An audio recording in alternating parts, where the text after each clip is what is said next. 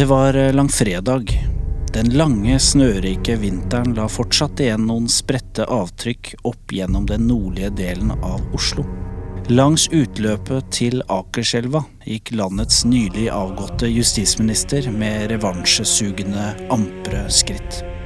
Ved hennes side gikk den avgåtte rådgiveren Espen Teigen, også kalt Kjempebabyen blant uvenner. Han gikk i dress og slips, selv om han nå var arbeidsledig og etter hovedstadspressen å dømme trengte søvn og en øl, ikke tur i marka. Påskesola gjorde at Sylvi måtte knipe igjen øynene under de lyse lokkene. De befant seg begge på overflommede stier. Dette var Sylvis måte å koble verden ute på, å ta pauser fra et embetsverk fylt med fiendtlige raddiser. Kringsatt av Facebook-fiender, dolket av Twitter-eliten. Nå var hun blitt katapultet ut av ministerstolen av Erna og Siv og flertallet i den norske generalforsamlingen. Hun var tilbake i området, men ute av det gode selskap. Fremskrittspartiets egen Josef Goebbels hadde mistet sin talerstol, men hadde fått en ny sjanse på Stortinget. En sjanse hun ikke visste hvordan hun skulle bruke. Hva gjør jeg nå, Espen? spurte hun. Stortinget er en barnehage. Jeg må finne en måte å vise avstand på. Teigen prøvde å holde den brylkreminnsmurte sveisen på plass, mens svetten begynte å dryppe ned på det rosa fjeset hans.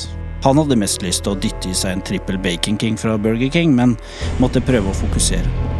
Teigen var egentlig arbeidsledig, men fanbasen med 150 000 trollkrigere måtte holdes varm, og Sylvi klarte ikke det alene. Jeg synes vi skal få Jonas Gahr Støre avsatt. Jeg vet ikke hvordan Teigen snakker, jeg. Du må bryte ut av Frp og starte ditt eget parti, sa Teigen. I Sagene kirke, to kilometer sør for Kjelsås, gikk Knut Arild Hareide ned på kne, åpnet munnen, stakk ut tunga og tok imot Jesu legeme. Han prøvde å kvele en grimase, og ba en bønn for alle fattige, forlatte, spedalske og fortapte. Men det var én spedalsk og fortapt sjel han særlig tenkte på, men uten å kjenne særlig medfølelse. Hun skulle nå tilbake til Stortinget, og han fryktet at hun der kom til å fortsette å hakke løs på KrF sitt grunnfjell, helt til hun sto der på toppen selv og hadde demontert Kristen-Norges tradisjonsrike sentrumsparti. Altså, jeg kan ikke gi henne en talestol på Stortinget, tenkte Hareide. Samtidig fikk Hareide en pushmelding på mobilen som viste et bilde av Espen Teigen og Sylvi gående langs Maridalsvannet. Han nappet til seg en eplebit og en fruktkniv fra fruktfatet i sakristiet før han forsvant ned midtgangen og ut av kirken. Kjem etter Kjelsås, vær så snill, sa Hareide til Valgjerd Svarstad Haugland, den tidligere KrF-lederen som nå var blitt hans nye privatbilsjåfør sa hun, og feilgiret i revers. Knuste en av blomsterpottene utenfor kirken, før hun fant førstegiret og spant ut på veien i retning Nydalen, Kjelsås og Maridalen. Jonas Gahr Støre hadde på sin kant av byen våknet opp etter en urolig natt. Han hadde igjen drømt om Sylvi Listhaug.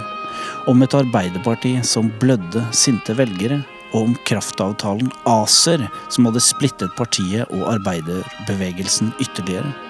Langfredag var perfekt for å få alt dette på avstand. En lun tur i et av Oslos omkringliggende friluftsområder var som skapt for å samle ny energi for en partileder i storm.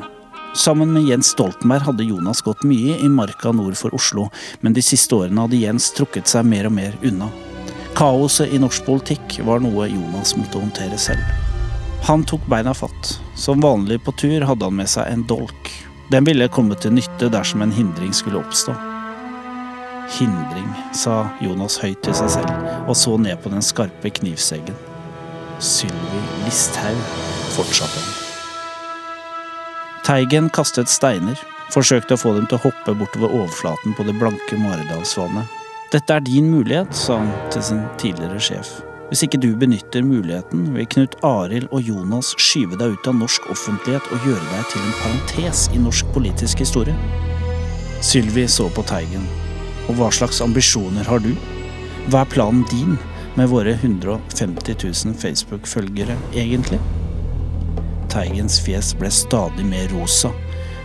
Han plukket opp en stein fra bakken og klemte til så knokene ble hvite. Svarstad Haugland parkerte på et gårdstun, og Hareide gikk med raske skritt mot vannet. Hva skal du, Knut Arild? Vi bør dra tilbake snart, kirkekaffen blir kald. Hareide hørte ikke etter, men fortsatte å gå. I hånda hadde han en fruktkniv. I blikket en lyslugget ålesunder som truet KrFs eksistens. Jonas Gahr Støre sto inne i skogholtet og kikket ut på Espen Teigen. Han er åpenbart opprørt, tenkte Jonas. Det er ikke bare jeg som ønsker den dama av veien. Hun må bort, hun må vekk, sa Jonas til seg selv. Men hvem er han konfirmanten der? Knut Arild? Det som så skjedde, er uklart. Rikspolitikerne var plutselig samlet rundt Listhaug. I tillegg kunne man skimte en annen lyslugget partileder. Uten forvarsel sprutet blodet fra halsen til Sylvi Listhaug. Drikkevannet til Oslos innbyggere ble farget rødt. Teigen, Hareide, Gahr Støre og den lyshårede partilederen så på hverandre med forvirring. Sylvi Listhaug var død. Hvem drepte Sylvi Listhaug? Send ditt svar til nearcast at yahoo.com. Uh, vent litt, eh, Marius, for det, saken, uh, krimmen, er faktisk ikke helt over. To dager er gått. Hos Gelmund Kise har Marit Hartmann allerede rukket å skrive titalls kronikker om Listhaug-drapet til publisering i kampanje. På slaget tolv ringer telefonen hos Sjorhavene ved Oslo politikammer. Dere må komme med en gang! Det er portøren hos Rettsmedisinsk institutt. Det er skjedd noe veldig rart. Vel fremme på RMI står Per Sandberg, Siv Jensen, Jonas Gahr Støre, Knut Arild Hareide og Espen Teigen. De er hentet dit av politiet for å skape klarhet i det som er skjedd. De står rundt en seng. Rommet er kaldt. Rundt dem ligger kropper i alle fasonger under blå laken. Jeg forstår ikke dette, sier Hareide. Ikke jeg heller, sier Gahr Støre. Silvi har en unik evne til å skape oppmerksomhet rundt sin egen person, og nå har hun klart det igjen, med å ikke være til stede, sier Siv Jensen.